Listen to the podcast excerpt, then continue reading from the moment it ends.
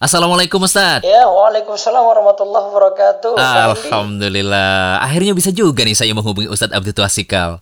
Ustadz ada yang mau saya tanyakan nih tentang iktikaf. Kan tiap tahun alhamdulillah saya sudah biasa iktikaf di masjid. Ya. Cuman kan tahun ini iktikafnya ya tahu sendirilah Ustadz, tidak diperbolehkan karena dilarang kumpul-kumpul saat pandemi ini. Nah, terus gimana dong Ustadz kebiasaan iktikafnya ini? Harusnya tahu dulu dong. Ilmu itu harus ada sebelum beramal nih. Oh iya betul, harus punya ilmu dulu ya Ustadz ya.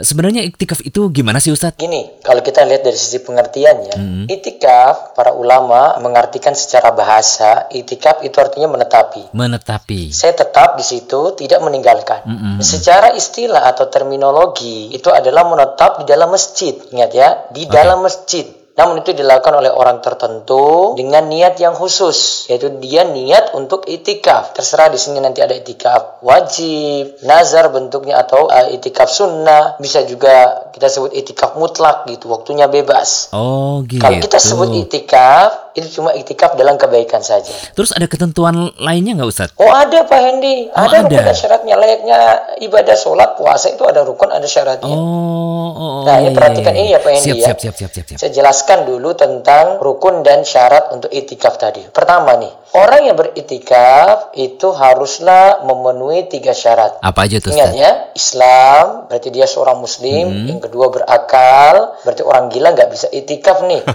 oh iya dong Ustadz, ya kali orang gila iktikaf. Terus bersih dari hadas besar yaitu junub, haid dan nifas. Ada lagi di sini para ulama tetapkan rukun dan syarat itikaf adalah masjid. Artinya itikaf hanyalah sah jika dilakukan di masjid. Hmm, harus di masjid ya Ustadz ya. Berlaku untuk siapa aja tuh Ustadz? Untuk laki-laki maupun perempuan Pak Hendi. Oke. Kalau dari sini berarti kita simpulkan ya tidak bisa pakai musola rumah. Pak Hendi Oh, punya musola ada di rumah dibuat space di pojok rumah sendiri untuk melaksanakan sholat bersama istri dan anak-anak. Ya tidak bisa kita pakai karena di sini syaratkan Hmm. masjid. Nggak boleh ya ternyata meskipun di rumah ada musolanya. Emang ada dalilnya gitu Ustadz? Oh ada dalilnya. Coba Hmm. nanti Pak Hendi perhatikan di surat Al-Baqarah ayat 187 ya. Oke oke nanti saya buka Situ Ustadz. disebutkan wala tubashiruhunna wa antum akifuna fil masajid. Tapi janganlah kamu mencampuri mereka yaitu istri kalian sedangkan kalian sedang beritikaf di dalam masjid. Syarat lainnya Ustadz? Syarat yang lainnya harus ada niat, kemudian ingat harus menetap di masjid. Hmm, itulah manfaatnya belajar dulu ya Ustadz ya. Kita jadi tahu ketentuan-ketentuan seperti itu. Apalagi rujukan dari para ulama. Aduh, terus gimana dong Ustadz nih? Berarti iktikafnya tidak boleh di rumah nih? Ya gimana lagi dong Pak Hendi? Memang syaratnya seperti itu. Hmm, kalau begitu solusinya gimana Ustadz? Nah, sebagai gantinya di masa pandemi, karena kita tidak bisa kumpul-kumpul di masjid rawan di sana, maka sekarang kita perbanyak ibadah di rumah. Seperti apa Ustadz bentuknya? Bisa baca Quran, kaji tafsir, Berzikir. berzikir, perbanyak sholat sunnah, oh, kegiatan-kegiatan oke. banyak kita lakukan di rumah. Dan kita harus pahami bahwasanya kita tidak hanya dapat ibadah itu lewat itikaf saja, bisa dengan ibadah-ibadah tadi yang kita sebut walaupun cuma melakukan di rumah. Termasuk di sini nanti dilakukan pada 10 hari terakhir dari bulan Ramadan. Tetap dapat pahala ya Ustadz ya? Ya, moga kita tetap mendapatkan pahala itikaf lah nantinya. Amin, insya Allah Karena Ustadz. kita kan ada uzur, tidak bisa melaksanakannya di masjid. Dan ingat ya Pak Hendi ya, Apa tuh? ini hadis yang sering Oh, hadis. di web rumesau.com disampaikan terus di masa-masa corona ini nanti bisa dibaca-baca. Iya, ini selalu disebut untuk motivasi kita kalau kita tidak bisa beramal sempurna.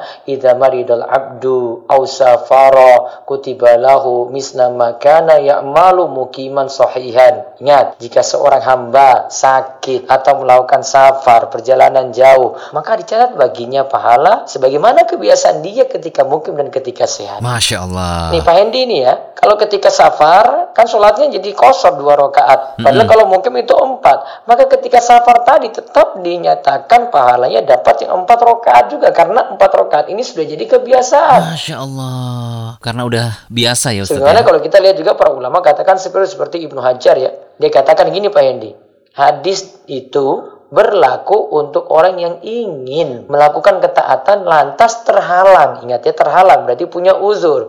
Padahal ia sudah punya niatan untuk lakukan. Ini kita sudah punya niatan untuk itikaf, namun ada uzur. Padahal dia udah punya niatan. Dia sudah punya niatan kalau tidak yang menghalangi pasti nanti dia lakukan. Namun karena ada Ada uzur. uzur. Hmm, ya, ya, ya.